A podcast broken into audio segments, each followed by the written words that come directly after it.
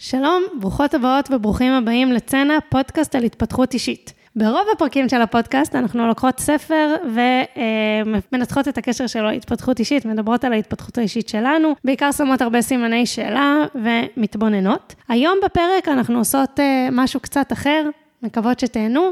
בואו לספר לנו בעמוד הפייסבוק של צנע מה חשבתם, האם זה דיבר אליכם הקונספט החדש. תהנו.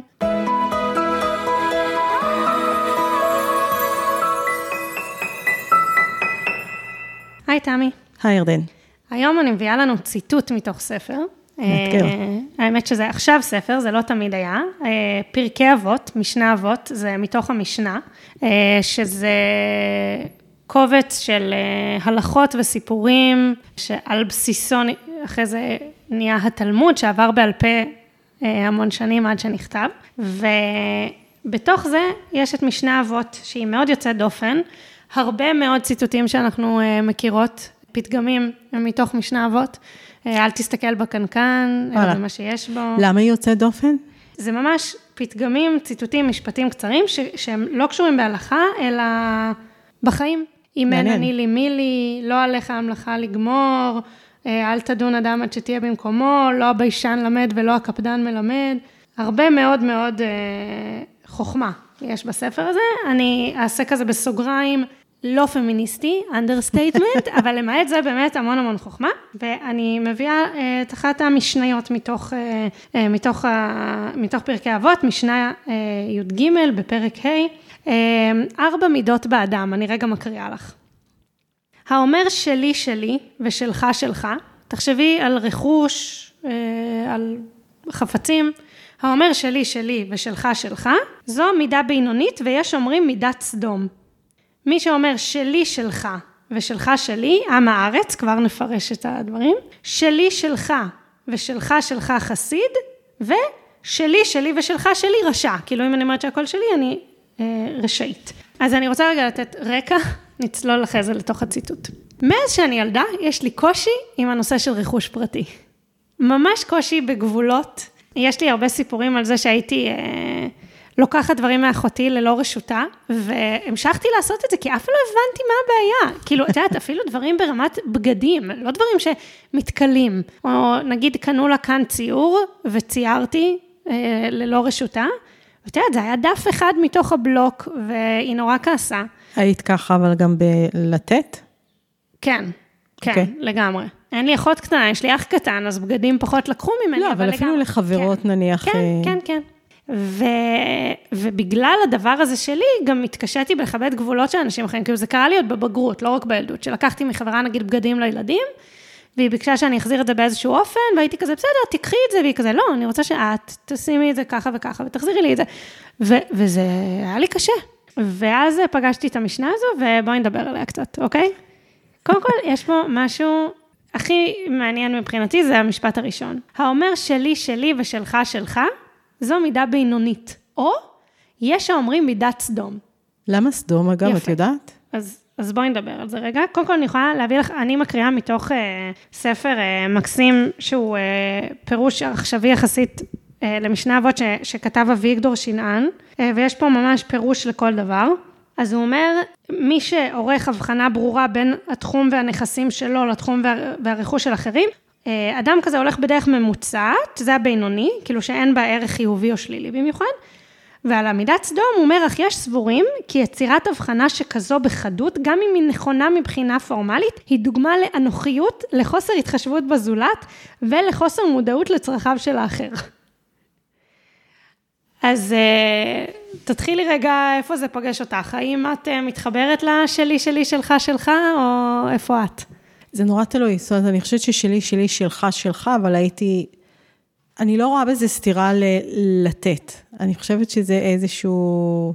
כאילו חסר לי אה, המשך המשפט. שלי, שלי, שלך, שלך, אבל בשמחה אני אה, אחלוק או אשאיל או... אבל... אה, זאת אומרת, יש בעיה אולי עם העצירה, אבל בגדול אני, אני אוהבת גבולות. שזה מעניין אגב, כי מי פה נחשב חסיד? מי שנותן את כל מה ששלו, כאילו, של, שאני אגיד לך שלי שלך ושלך שלך, כאילו הכל את יכולה, אבל אני לא פולשת לשלך. שזה אגב... שזה קצת כמו העץ הנדיב. כן, בדיוק, עם זה יש לי בעיה. זהו, אני לא מתחברת. ש... גם, כאילו, בהגדרה לא כולם יכולים הרי להיות כאלה. אז מה זה אומר? אני צריכה להיות חסידה וצדיקה על הגב שלך, שאת כאילו לא?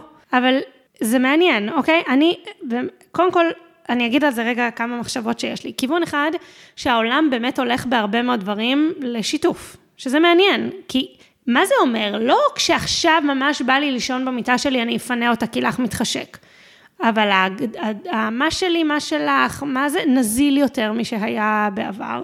וכן יש מגמה של יותר דברים משותפים, כאילו גם אנשים משכירים את הרכוש שלהם, אבל גם יש מחסנים נגיד משותפים לבניינים, ויש יש מגמה כזאת שזה מאוד הגיוני בעיניי. ועם זאת, אני מודה שעם השנים אני גם יותר מכבדת, עוד לא עד הסוף מבינה, אבל יותר מכבדת גם את הצורך ה...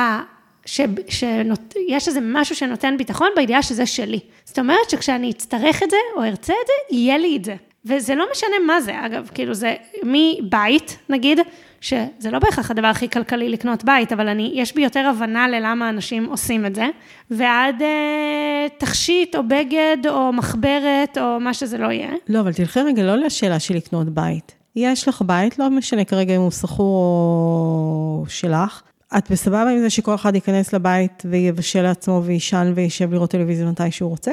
אוקיי, okay, רגע, קודם כל, זה, זה מעניין הדוגמה שהבאת. א', אני לא יודעת, לגבי כל אחד בטוח לא.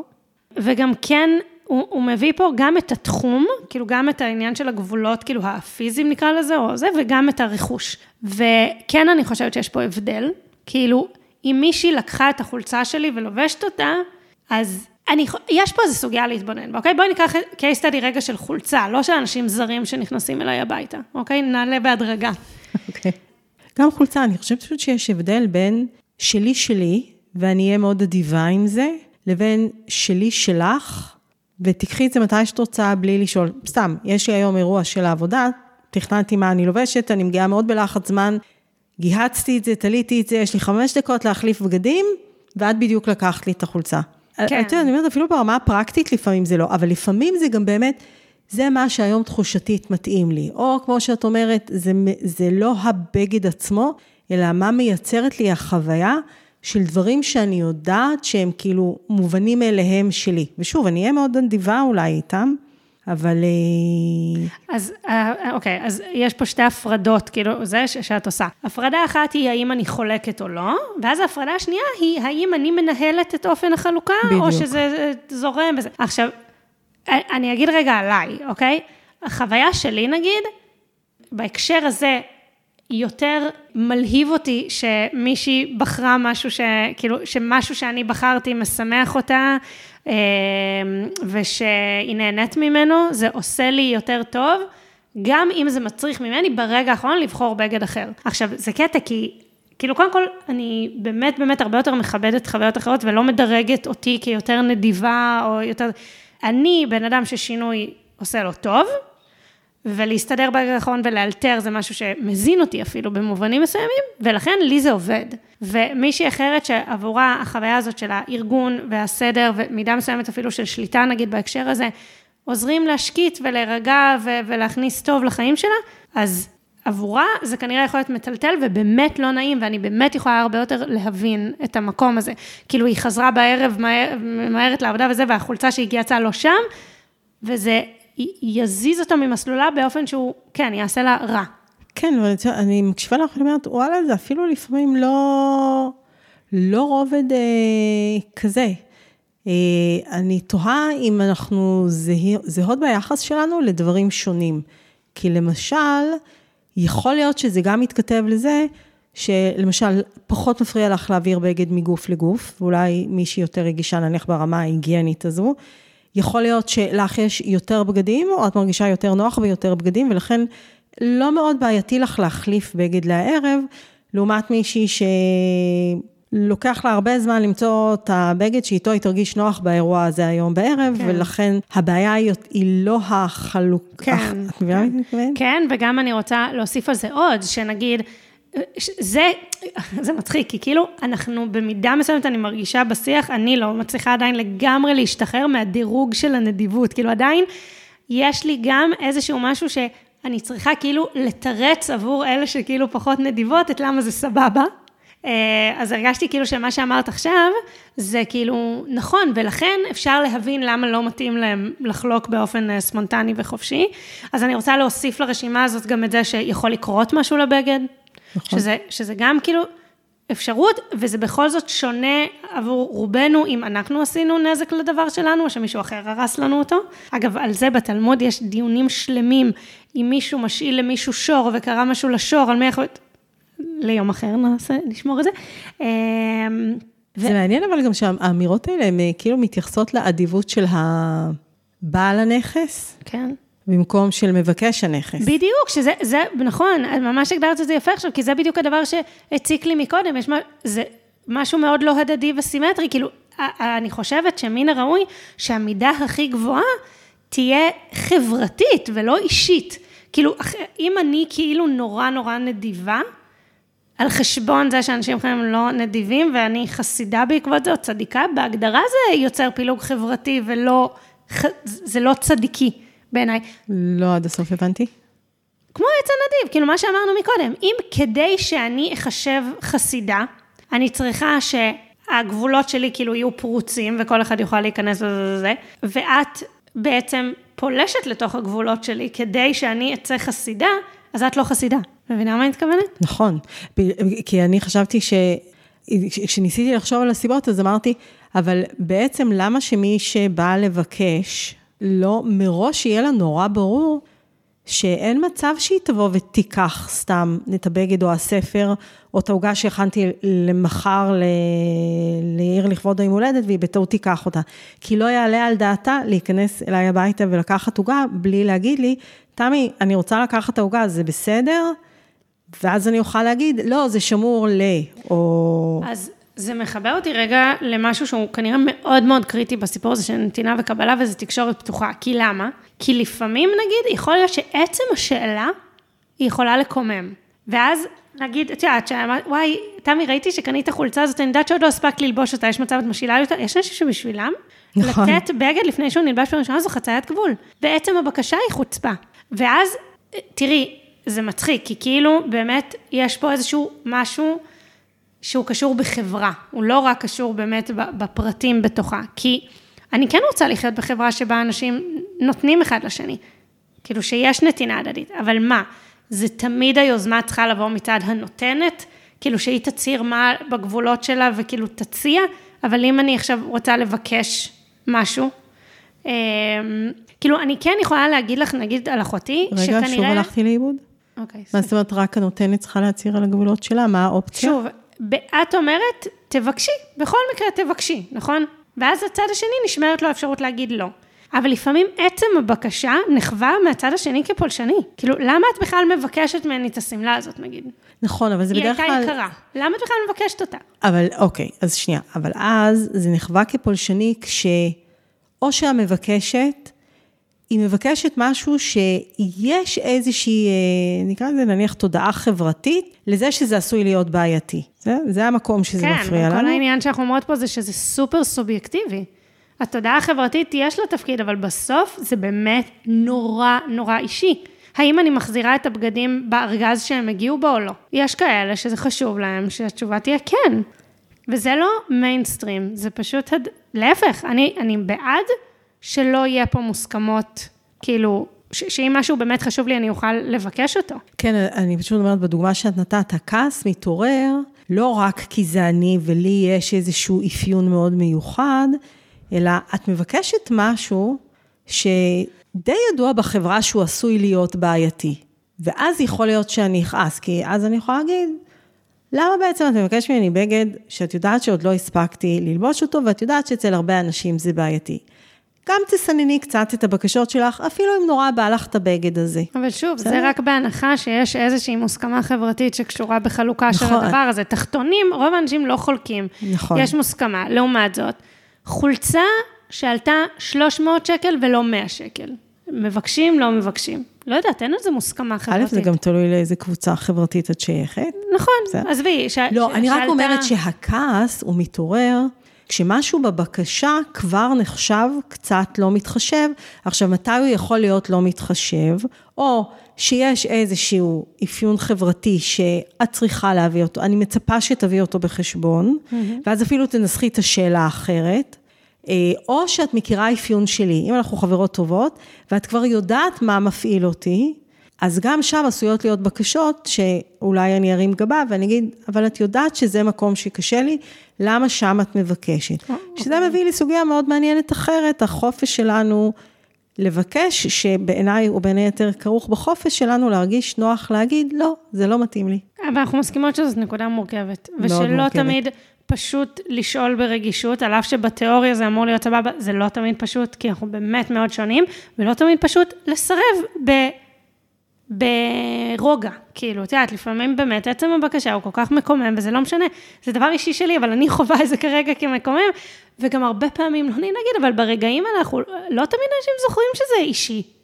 כאילו זה, הרבה פעמים אנשים מחפשים שזה יהיה אובייקטיבית לא לגיטימי, ואומרים, לא מתנהגים ככה. הנה כן התנהגו ככה, ולי זה לא מתאים פשוט, כאילו, והפער הזה הוא משהו בתקשורת שאנחנו יודעות שהוא קיים. ואז כאילו הדרך הקלה לפתור את זה היא להגיד, כל אחד וחפציו וכל אחד ורכושו, וזאת חברה שהיא מאוד לא אידיאלית בעיניי. היית יכולה לנסח משהו שהוא אידיאלי? תראי, זה מעניין, בדיוק שמעתי מישהו שמדבר אתמול אה, בפודקאסט על קיבוץ, על הקונספט. כל אחד לפי יכולתו ומקבל לפי צורכו. אה, זה לא עבד, כאילו, זה, זה קשה. אגב, זה גם לא לגמרי היה לפי צורכו, זה היה שוויוני יותר.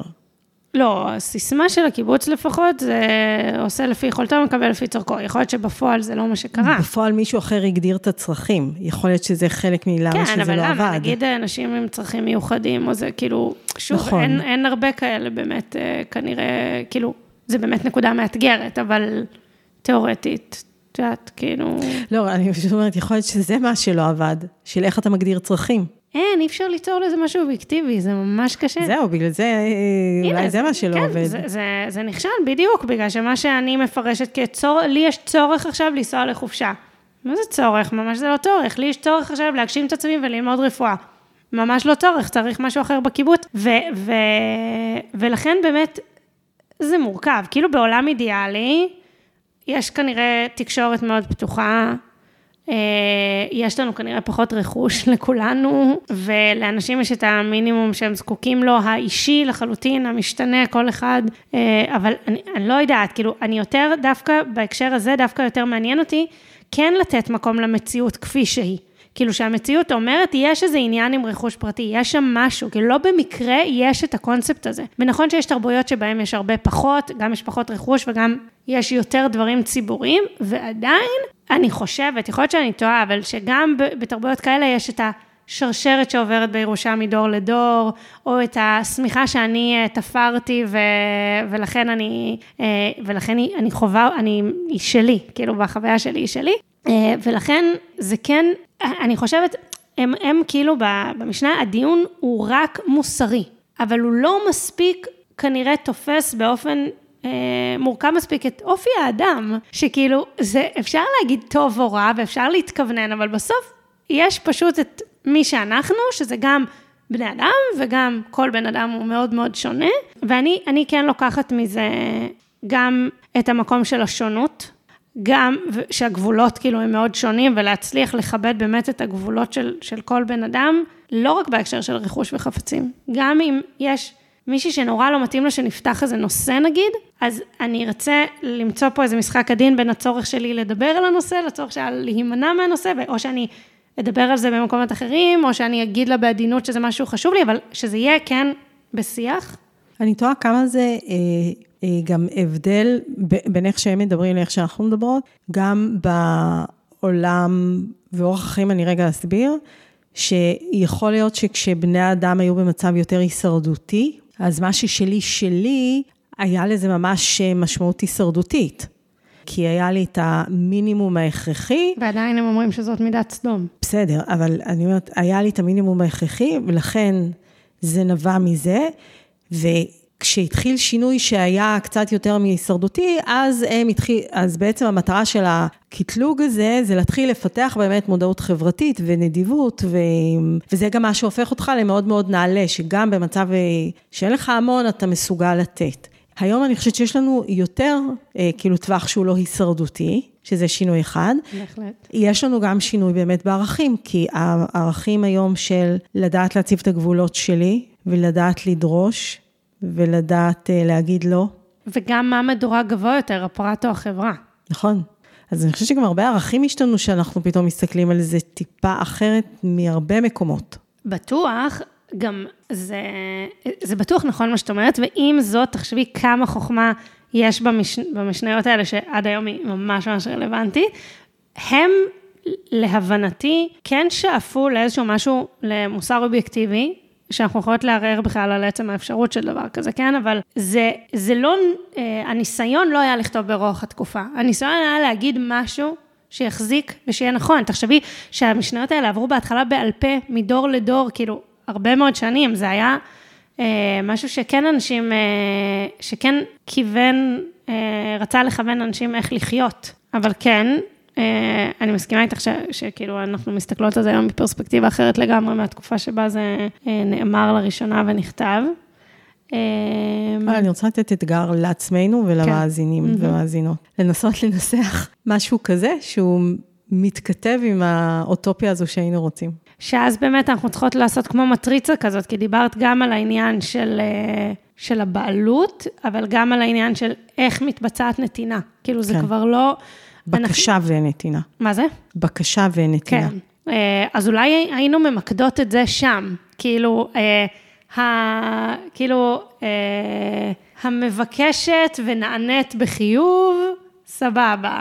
המבקשת ונענית בשלילה, אה, מוותרת ומכבדת. הלא מבקש, כאילו מין משהו כזה, כאילו בכלל שהוא לא על הבעלות, אלא על, על האפשרות אמ, זאת אומרת, יותר על האינטראקציה ולא על ה... כן. לא גם... על עצם הנתינה או אי נתינה, אלא האינטראקציה סביב זה?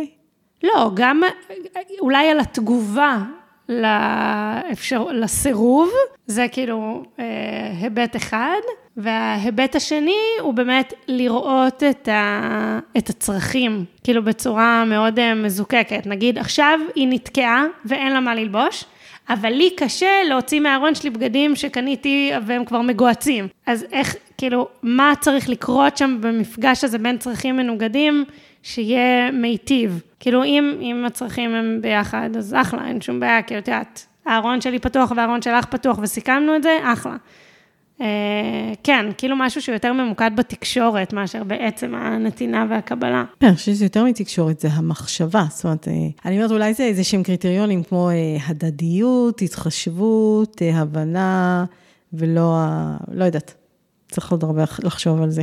כן, וגם אולי במקום לדרג מהטוב ללא טוב, היינו הולכות נגיד על ארבעה מודלים מיטיבים, שהם כולם עובדים וסבבה. מעניין. כדי לא... אגב, יש עכשיו, זה, זה, יש חמישה כאלה אה, ברצף שמתחילים בארבע מידות ב... נגיד ארבע מידות בתלמידים, ארבע מידות בדעות, ארבע מידות בנותני צדקה. כאילו, שגם, שגם שם יש התייחסות אה, לאיזושהי התנהגות ולאופן שבו עד כמה היא נתפסת ראויה או לא ראויה. אה, שזה, כאילו, שוב, זה כבר בעייתי, זה כבר אומר... אה, מה, השיפוטיות וההיררכיה של זה? כן, וגם אה, אם את עושה טוב, אז מתוך מה את עושה את זה? מתוך זה שאמרו לך שזאת התנהגות שפלה? לא, אולי אם את לא מצליחה לחלוק ולא מצליחה להציב גבול, אז יש שם איזושהי נקודה להתבונן בה, כי זה משהו שהוא לא מיטיב איתך, נגיד. אבל הוא לא רע או טוב. כן, טוב, מעניין. לקחנו פה, נכנסנו לנעליים גדולות של חז"ל.